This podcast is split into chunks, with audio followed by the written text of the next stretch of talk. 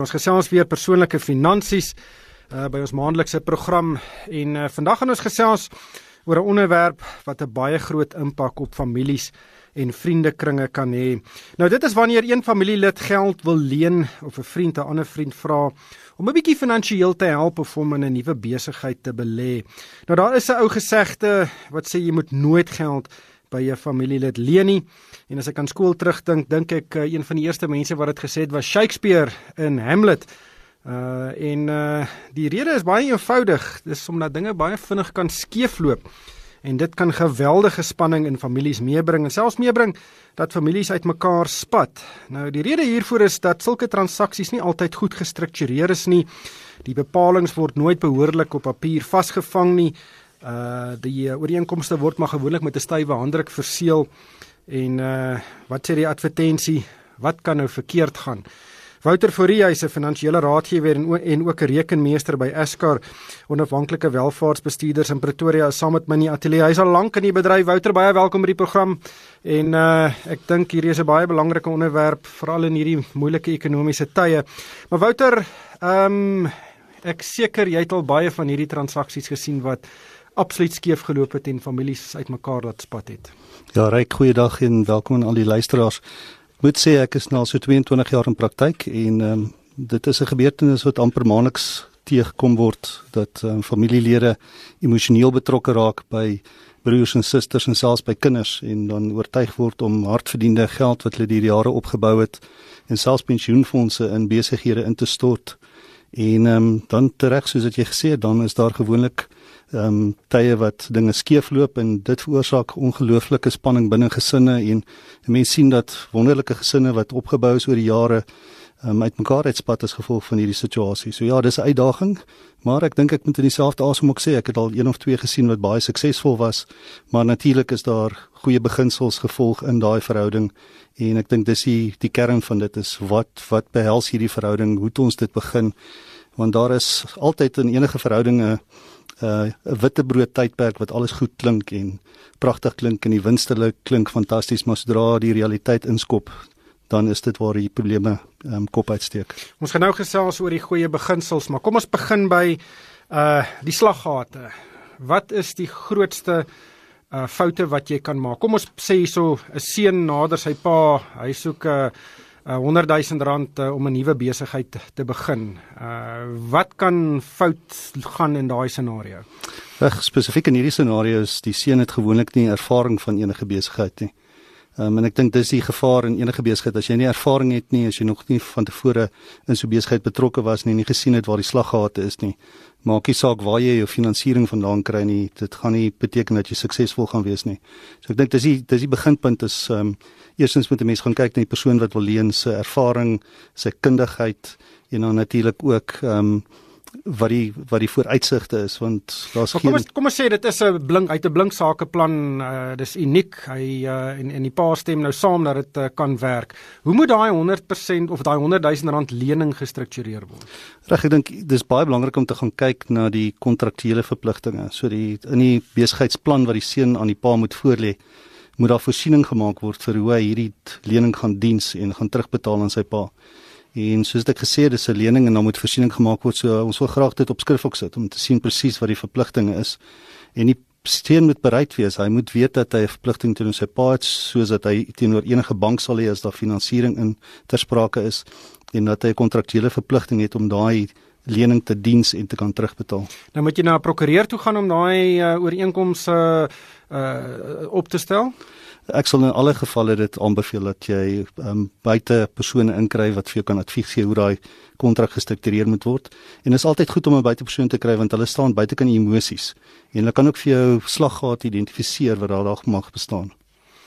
Ja, maar dit ek kan nie dink dat dit baie gebeur nie. Ehm um, dis dan familielede, ons vertrou mekaar, ons uh, weet waar hulle bly. Uh maar dit nou kan myself so ooreenkoms saamstel? Ja, ek kan self so ooreenkoms. Ek dink met tegnologie wat beskikbaar is, daar's heelwat ehm um, dokumentasie en kontrakte wat op internet beskikbaar is, maar ai, weet jy, ek ek's nog steeds voorstel dat jy 'n regskundige inkry om by te staan met die kontrak. As jy ernstig is oor besigheid, jy is ernstig om jou kind te help, dan is dit dalk 'n manier om hom of haar te leer die basiese beginsels van besigheid, want as hulle met iemand anders daai transaksies aangaan, sou daai persoon ook aangedring het op 'n kontrak of een of ander leningsooreenkoms. Ja, kan teken 'n huisverband en dan moet jy omtrent 'n halwe boom se papier teken uh, so baie bepalinge is ja, daar. Dis korrek. En uh dis 'n bietjie meer gestruktureerd as 'n ferm handdruk.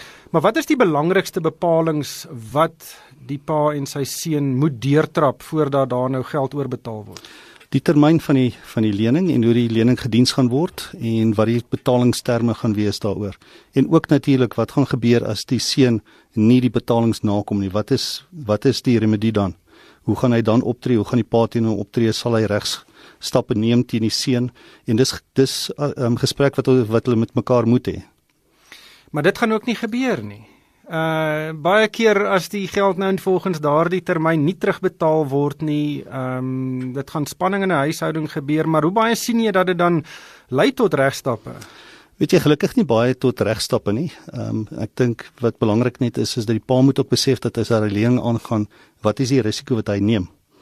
En natuurlik, soos ek van tevore gesê het, dit maak nou glad nie sin dat jy jou hele pensioen vat en in 'n projek indruk wat jou seun geen ervaring van het nie. 'n 100 000 rand is nou nie miljoene rande nie, maar dit is nog steeds belangrik dat die pa weet dat hy risiko het in hierdie hierdie proses. En ek dink in dieselfde as jy 'n ouer is, moet jy ook die besluit maak om te sê maar as ek vir my seun 100 000 rand gee en hy gee vir my 5% rente, is nie beter vir my om my geld in die bank te sit en dalk 7% rente te kry sonder enige risiko nie. So dis 'n besigheidsbesluit wat die ouer ook moet neem. En baie keer is dit moeilik om daai gesprek met jou kinders te hê, maar dis ook deel van opvoeding. So ons moet mekaar leer ook in die proses. Ja, die rentekoers is gewoonlik laer as wat uh die seun by 'n bank sou betaal. In sommige gevalle gevalle is dit uh, is daar geen rente ter sprake nie. Korrek. Nou dit is ook 'n uh, uitdaging natuurlik. Ehm um, want dan moet mense versigtig wees van daar kan aanspreeklikheid kom as mense gaan kyk na maatskappye en ons nuwe belastingwetgewing wat ingekom artikel 7C wat lenings na trusts toe en maatskappye toe ehm um, hanteer so mense moet versigtig daarmee wees en jy moet ook maar gaan gesels met jou belastingkundige dat jy nie net in die proses nou belastingwetgewing ook oortree nie. Ja, ehm um, ek sien jy's 'n hele paar SMS'e en die tema is baie duidelik. Ehm um, ek dink hier is anoniem sê uh, ek kan werk met geld my kinders glad nie ek hol ver weg uh, en uh, en dis baie duidelik ja. um, ek dink daar is uh, ek dink hier's nog 'n SMS SMS wat sê wat kinders dink hulle verwag dat hulle ouers vir hulle geld gaan leen en dan uh, leen in hierdie in sommige instansies is 'n sinoniem vir gee Uh en daai dinamika is baie belangrik. Ehm um, hoe moet 'n ouer dit hanteer? Ehm um, kan 'n ouer sê nee, gaan eerder na 'n bank toe? Natuurlik kan 'n ouer dit sê. Die probleem is net emosies tree in. Ehm um, wat sê hulle? Bloed is dikker as water. En dis dis waar die realiteit inskop en dis hoekom dit belangrik is om om om 'n onafhanklike derde party betrokke te kry by hierdie gesprek om nou emosies uit die besluite uit te kan neem om te kan sê maar hierdie is 'n goeie transaksie of hierdie is nie 'n goeie transaksie nie. Ja, dit is 'n uh, uh, mens moet dit op op gesonde sake beginsels benader. Ehm um, hoewel emosie natuurlik daai lyne kan kan uh, hoe wat hoe sal 'n mens nou sê dit kan dit uh, verwar dit kan dit skuif um, en dan is dit nie meer gesonde sake beginsels nie. Ehm um, het jy al gesien dat as vriende sake doen uh of daardie manier van hoe jy sulke lenings moet ehm um, op papier stel verskil van as dit familielede is? Nee, ek dink die die ooreenkoms moet dieselfde wees. Ehm um, die feit dat dit net 'n vriend is maak nie die kontrak bepalinge anders as dit 'n familielid sal wees nie. Reken ek dink ook wat belangrik is, 'n baie goeie oefening sal wees dat as jy geld wil leen aan 'n familielid, gaan saam met die familielid bank toe en gaan kyk wat is hulle vereistes. Want die banke weet om risiko te identifiseer in transaksies en hulle kan dalk vir jou risiko uitwys wat jy self nie van bewus is nie en ook as die persoon geld en finansiering nodig het en hy gaan bank toe en hy kan dit nie kry nie, is daar ook gewoonlik 'n rede. So ek dink dis 'n baie goeie oefening en dit kan ook 'n vertrekpunt wees wanneer 'n mens begin met daai gesprek. Dink jy dis 'n goeie idee dat as jy nou nee sê vir jou seun dat as hy nou bank toe gaan om dan te gaan borg teken by die bank uh, vir daardie lening, is dit 'n ander manier om so 'n transaksie te struktureer? Kyk, jy verwys net daarna dat die pa borg teken ja. namens sy seun. Uh, um, ek persoonlik dink nie dat borskap 'n uh, goeie beginsel is nie. Ek dit ook dis presies dieselfde as om vir iemand geld te leen want jy staan op die ou en vir dag staan jy pa vir daai daai geld indien jou seun dit nie kan terugbetaal nie. So dis presies dieselfde. Ja, hy sê nog 'n luisteraar sê ek het twee maal geld verloor omdat die persone gesterf het. Uh, in, in een geval was daar 'n skriftelike kontrak. Uh, Mense dink nie baie keer aan aan sulke scenario's nie. Ja, dis 'n baie belangrike aspek en dit is ook deel van boedelbeplanning dat mense seker maak dat die persoon genoegsame bates het. En nie net genoegsame bates nie, maar liquide bates het. Want dit help veel jy ehm um, jy erf dalk 'n 'n bate wat jy geen waarde voor het nie en dit is jou eis wat jy het in die boedel so transaksies wat wat boedel aanbetref is baie belangrik en dit moet ook in jou kontrakte vervat word. Nou daar is daar spesifieke uh, versekerings wat byvoorbeeld in plek is wat hulle praat van koop en verkoop versekerings waar daar ehm um, jy kan versekerings uitneem op iemand se lewe om daai spesifieke skuld te kan delg as die persoon tot sterwe kom as dit nou 'n besigheidsverhouding is of daar kan ehm um, hulle praat van Engelse contingent liability versekering waar jy kan 'n polis uitneem om 'n persoon se lewe sodat daai kontant kan uitbetaal op datum van dood en dat jy dan baie maklik jou ehm um, terugbetaling van jou lening kan bewerkstellig. Gebeur dit dat ehm um, een party 'n uh, verband um, registreer op 'n eiendom. Uh sê nou maar jy die, die pa wil geld leen aan sy seun en dan uh, gaan registreer hy 'n 'n verband oor 'n eiendom van die seun om as sekuriteit te dien. Gebeur dit ooit? Ja, dit gebeur. Dit het ek al 'n hele paar keer gesien en dis ook 'n dis ook 'n mate vir die pa om homself te beskerm in terme van die lening want die seun het dalk eiendom wat wat wat hy um, kan opsit as 'n as sekuriteit. Alhoewel hy nie likwiditeit het nie het hy dan sekuriteit wat hy kan neersit vir die spesifieke lening. Ja. Ehm um, wat gebeur nou as uh, julle nou alles nou mooi uh volgens die boek gedoen het? Daar's 'n mooi kontrak ehm um, en uh die eerste betaling moet gemaak word. Hy word stiptelik gemaak maar die tweede een is daar 'n probleem. uh die geld uh, is nog vas in voorraad of uh, wat die geval nou al ook al moet wees. Hoe hanteer 'n mens daai eerste konfliksituasie? Ek gewoonlik in die kontrak as jy uh, gesoute prokureur het wat vir help met die kontrak opstel, sal hulle daai vereistes reeds in kontrak vasvat om te sê wat gaan die die prosesse wees as dan die betaling nagekom moet word nie.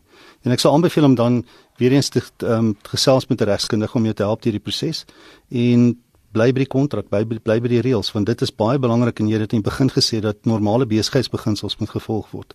Of nou familielid is en of dit nou vriend is, bly by die reëls wat jy uiteengesit het met mekaar en sorg dat jy in die proses hierdie persoon help om sy besigheid beter te bestuur ook. Ja, maar weer eens, as dit 'n bank is, glo my as jy 'n dag laat is, dan kom hy likwidasie aansoek. Ehm uh, maar as dit pa by die die navraag nou by die pa kom, dan gaan dit nie sommer gebeur nie. Dis weer eens daai dinamika wat jy so eintlik te ver as moontlik moet vermy. Dis korrek. Dis korrek. En dis wat ek nou nou gesê het, daai bloed is dikker as water. Emosies speel dan 'n baie belangrike rol. En weer eens, sonder 'n kontrak is daar geen beginsel waarop jy um um die gevolge kan volg in terme van iemand wat jou nie betaal nie. So weer eens maak seker dat daar ordentlike dokumentasie in plek is en bly by dit. Is daar enige belastingimplikasies wat uh, soms uh, nie in ag geneem word nie? Ja, ek dink die belastingimplikasies is die rente wat gehef word op die lening. So so 'n paar geld leen aan 'n seun en hy pra rente erop. Daai rente moet verklaar word in die pa se belasbare inkomste. Nou die uitdaging is is daar 'n kontrak is en daar's 'n vaste renteooreenkoms En dan moet ons gaan kyk wat die belastingwet sê want dan sê hy die, die pa die datum wat hy dit ontvang of dit hom toegeval het, moet hy dit verklaar in sy belasbare inkomste. So alhoewel hy dit hom toegeval het in terme van die kontrak en hy nog nie geld in sy bankrekening ervaar het nie, kan hy in 'n situasie sit dat hy belasting betaal op geld wat hy nog nie betaal ontvang het nie. Hmm, of om later in die ontvanger vasloop uh, wat dit uitwys. Ehm um, en dit kan nog nog boetes uh, ook meebring. Dis korrek. Ehm um, SMS sê so familie is die laaste opsie as instansies nie kan of wil help nie. Uh, dan raak dit beloftes in steede van voorwaardes. Uh natuurlik uh, dis natuurlik ook die waarheid. Natuurlik enige kind het altyd die beste uh, bedoelings wanneer hulle geld het en hulle gaan nie geld teruggee maar uh dan sien hulle die terugbetaling aan 'n ouer miskien as uh, sekondêr tot ander skuld wat hulle mag hê. Ehm um, want die pa gaan ook nou nie op dag 1 as die lening nie betaal word nie, uh, die likwidasie aansoek bring nie. Ryk dis waar, dis baie waar. En en weer eens die emosies as by familie is ehm um, C4 in baie gevalle in so 'n situasie, maar ek dink as as 'n as 'n mens in so 'n transaksie betrokke raak en jy wil jou seun uithelp met 'n besigheid, is dit baie belangrik dat jy seker maak dat hy besigheidsbeginsels volg. Ehm um, as hy as jy dit nie doen met daai eerste ooreenkoms nie, wat wat leer jy regtig jou kinders? Want as hy in die toekoms dan by 'n bank gaan aansoek doen, dan gaan hy dieselfde situasie sit en dan tereg soos wat jy gesê het, dan tree hulle baie strenger op en dan sit jy met 'n kind wat dalk met 'n 'n vonnis teen hom sit en in in toekoms gaan sukkel om ander besigheidstransaksies aan te gaan.